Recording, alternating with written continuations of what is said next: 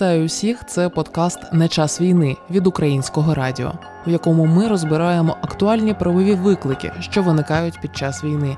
Вони можуть стати вам у нагоді.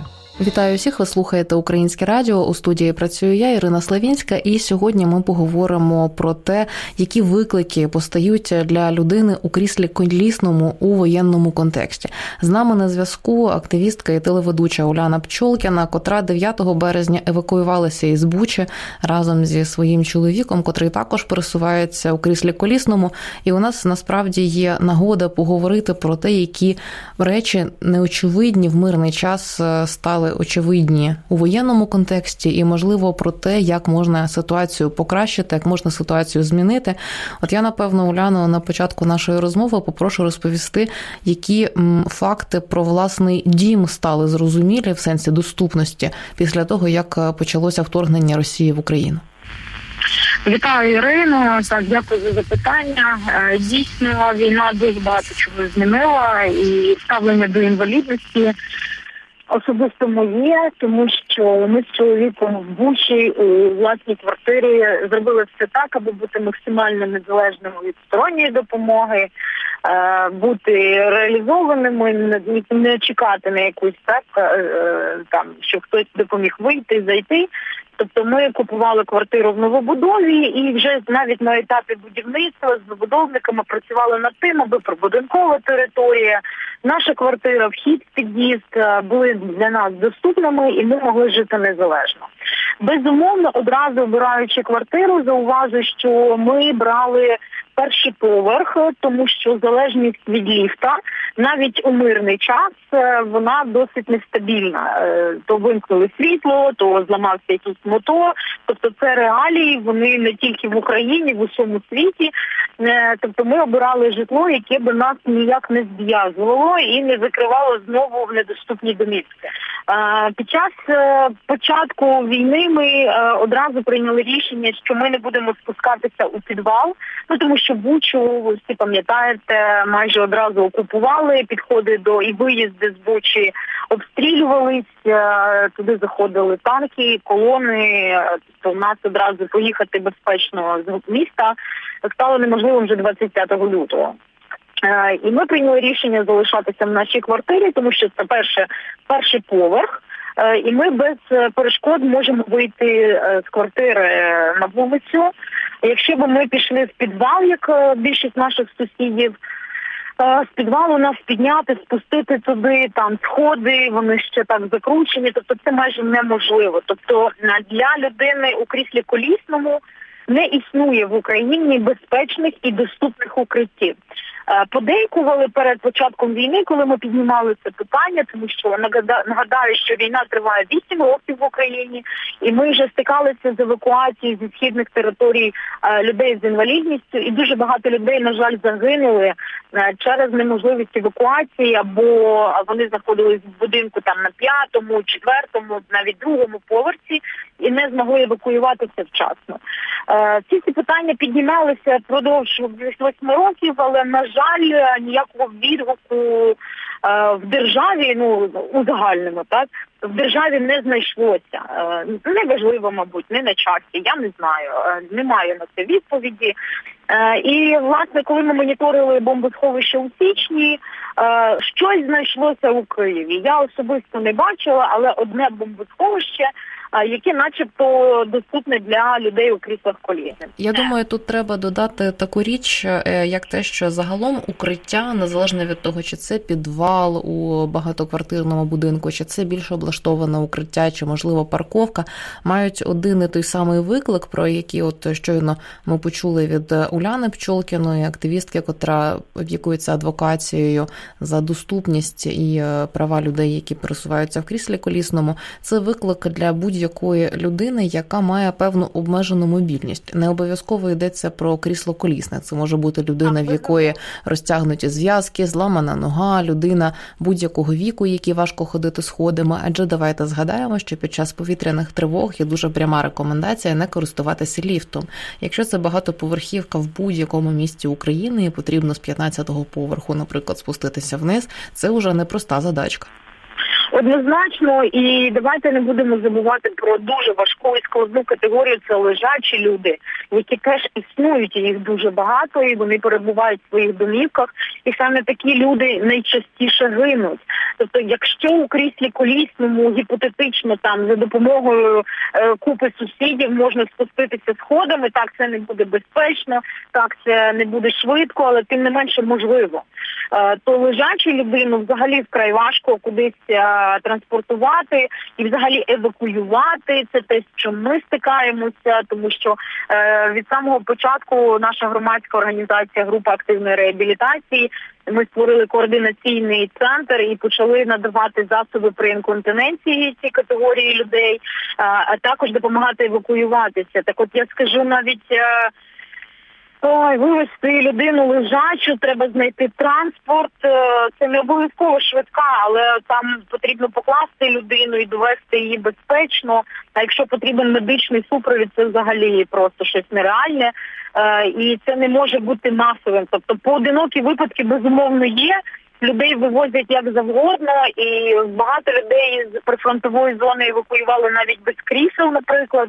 Е, бо вони не влазили просто елементарно. Люди людей напаковували так в ці бусики, автобуси, так що крісло просто фізично не могло вміститися. І ми тут, зустрічаючи у Львові, е, теж надаємо людям е, крісла або шукаємо в тих містах, де вони приїхали, там Запоріжжя, Київ, куди людина доїхала, знайти хоча б тимчасово, а вже потім підібрати людині більш-менш крісло, яким вона зможе користуватися. Тому що чотири колеса це ще не говорить про комфорт і можливість рухатись. Е, крісло це як взуття. Е, якщо воно вам буде тиснути, але буде дуже завелике, ви не зможете бігти та умовно і нормально користуватися. Так само з кріслом воно має бути індивідуально підібране. Це дуже важливий аспект. Е, і на жаль, він зараз дуже упускається. І на гуманітарну допомогу я бачу багато присилають ламаних або чотири колеса. Ламані, здоровані і люди вважають, що вони допомагають, а насправді ці крісла складуються, бо ну ними можна хіба що перевести в умовах лікарні знаєте, з палати на процедури. Уляна, я думаю, нам треба про це детальніше поговорити. Отже, е, є крісло колісне як е, засіб пересування тих людей, які потребують такого засобу, людей з інвалідністю. І є такий виклик, що крісло колісне може давати певні складнощі під час евакуації. Якщо я правильно розумію, не завжди воно поміщається в багажник автівок, можуть виникати певні складнощі з його транспортуванням у поїзді. Розкажіть про це детальніше, так щоб було було зрозуміло, звідки коріння тієї проблеми, яку ви щойно описали? А, Ну, дивіться, в умовах е, війни, коли а, е, потрібно вмістити максимально людей в той же там невеликий бус. Е, ви оберете чемодан, крісло чи людину. Звичайно, що ви оберете людину і крісла залишають. Ну і зараз е, мова про невеличкі крісла активного типу. Е, але якщо у людини е, електровізок, то він може важити до 200 кілограмів, і його навіть фізично можуть не забрати, і воно займе воно досить габаритне. Е, і може не влізти як в потяг, ми ж пам'ятаєте, евакуаційні потяги були вкрай переповнені. Тобто, якщо ми людину в маленькому, невеликому візку можемо посадити, в принципі, да, в потяг, і вона в цьому кріслі поїде, то в електроколясці посадити людину, коли якщо нема підйомника, якщо платформа з землі, е, ну в нас ще існують ці застарілі да, форми е, посадкових платформ. Е, людину просто не піднімуть. Ми там врахуйте людина до 100 кілограм, біля 100-200 кілограм крісло електричне це просто неможливо її підняти, і людину просто переносять, садять десь, а крісло залишається. І е, ця складність, я би сказала, не не зумовлена чимось е, ну от сьогодні, тому що за вісім років війни ми так і не створили шляхи евакуації осіб з інвалідністю. Ми так і не створили місця місця, де можуть перебувати тимчасово чи на більш довготривалий строк люди у кріслах колісних. Ми так і не е, продумали евакуаційні автобуси. У нас немає шелтерів для таких людей. Тобто в нас е, ситуація дуже погана. І виправити її там за той грудень січень, коли вже ну дійсно було зрозуміло, що е, 99,9% буде атака Росії на Україну повномасштабна. Ну що могли зробити за декілька місяців? Я вам скажу чесно, нічого. Це потрібно було робити з 2014 року. Як тільки почався військовий конфлікт в Україні, коли Росія проявила агресію на сході, анексувала Крим, нам потрібно було думати про евакуацію і розміщення осіб з інвалідністю е, з важкими формами, тому що дуже часто вивозять просто ну Богданчику умовному, да простий бусик або простий плацкартний вагон. і Ну це дуже важко. Людина може отримати додаткові травми під час е, такої евакуації, такі як відлежаний, або щось собі пошкодити, тому що навіть крісла вони жорсткі. Та якщо людина їде, її пересаджують на крісло, на сидіння е, бусика. Е, людина натисне собі е, на сідницях пролежні, як правило, це дві години, і можна отримати складні е, наслідки, які потім можна лікувати роками. Де її розміщати, де її лікувати зараз переповнено абсолютно все. Навіть пристосовані більш-менш на заході України центри їх заповнили звичайними людьми. Ну, я маю від звичайними без інвалідності. І людям з інвалідністю ми коли от е, ми ж постійно допомагаємо евакуюватися, десь розміститися людям. Е, просто немає куди йти. Тобто в доступних номерах для людини кріслі колісному живуть звичайні люди без інвалідності. Ну тобто місце вже зайняте. Тобто абсолютно немає якоїсь стратегії, якогось плану, шляху. Ну і досі немає. Так, справді викликів є чимало для людей абсолютно різних категорій, якщо так е, можна сказати. І це, на жаль, та історія, коли всі ми виявилися е, рівні перед цим воєнним викликом і подекуди ну, практично однаково незахищеними. Я нагадаю, що в ефірі українського радіо Уляна Пчолкіна, котра опікується адвокацією прав людей з інвалідністю, зокрема тих, хто пересуваються в кріслі колісному, і ми говоримо про те, які виклики для життя людей з інвалідністю повністю проявилися у наявному воєнному контексті, зокрема після 24 лютого, коли почалося повномасштабне вторгнення Росії в Україну. І от Уляно, я точно знаю, що е, ефіри українського радіо слухають активні люди, активні жінки і чоловіки, ті, що є лідерами формальними чи неформальними у своїх громадах. Ми от то щойно 15 хвилин розповідали про частину так тих викликів, які особливо є помітними у цьому контексті. А що можна було би сказати про можливості? Можливості розв'язати цю ситуацію, так як можна зробити цю ситуацію ну буде комфортнішою, як можна зробити ці умови доступнішими. І я думаю, тут можна було б говорити і про те, що може зробити сама людина з інвалідністю зі свого боку, можливо, є якісь речі, про які можна завчасно подбати, і так само, що може зробити громада, щоб своїх мешканців і мешканок, які мають інвалідність, краще захистити разом із іншими мешканцями. Е, ну, дивіться, тих умовах, яких ми знаходимося зараз, е, обов'язково треба тримати зв'язок. Ну, з сторони людини з інвалідністю потрібно знайти, хто би міг допомогти, хто міг би евакуювати. Зараз вже з'явилися і евакуаційні мікроавтобуси з підйомниками. У нас, наприклад, є. Ми тут зі Львова в Польщу вивозимо, допомагаємо людям по місцевості. По Україні е, ну майже немає водіїв, які могли би їздити. І я вам хочу сказати, що е, громада може зробити, продумати навіть не обов'язково там да купити той бусик з підйомником. А можна людину занести в бусик. Можна подумати, як це зробити безпечно саме для неї. Люди є різні, е, і обов'язково треба спілкуватися подумати про свій шлях евакуації. От, Наприклад, я до початку е, повномасштабного вторгнення зверталася до міськради Бучі, і нам пообіцяли, що за нами приїдуть соціальні служби евакуюють. Ну ніхто не приїхав.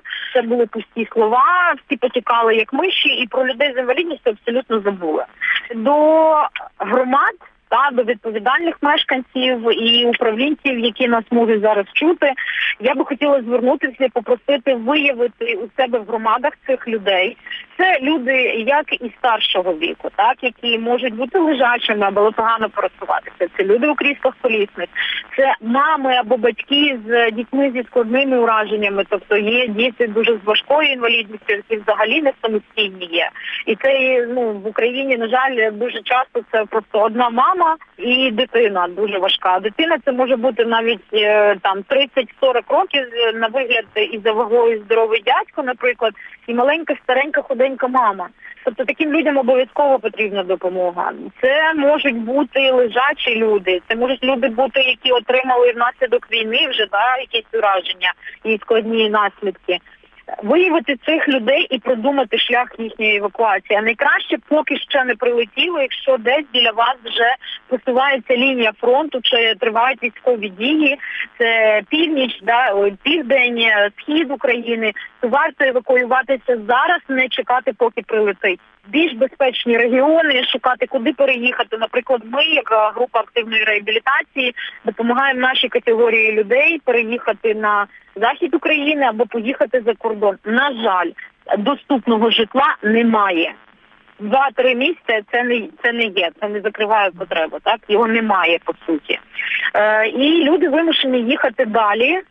У е, нас є партнерська організація е, в місті Хелм, Польща. Це від німців і швейцарців, Сейф Хаус, і там ну така там люди перебувають деякий час від двох до десяти днів, і ще підшукують е, країну і місце, де вони зможуть перебувати більш тривалий термін.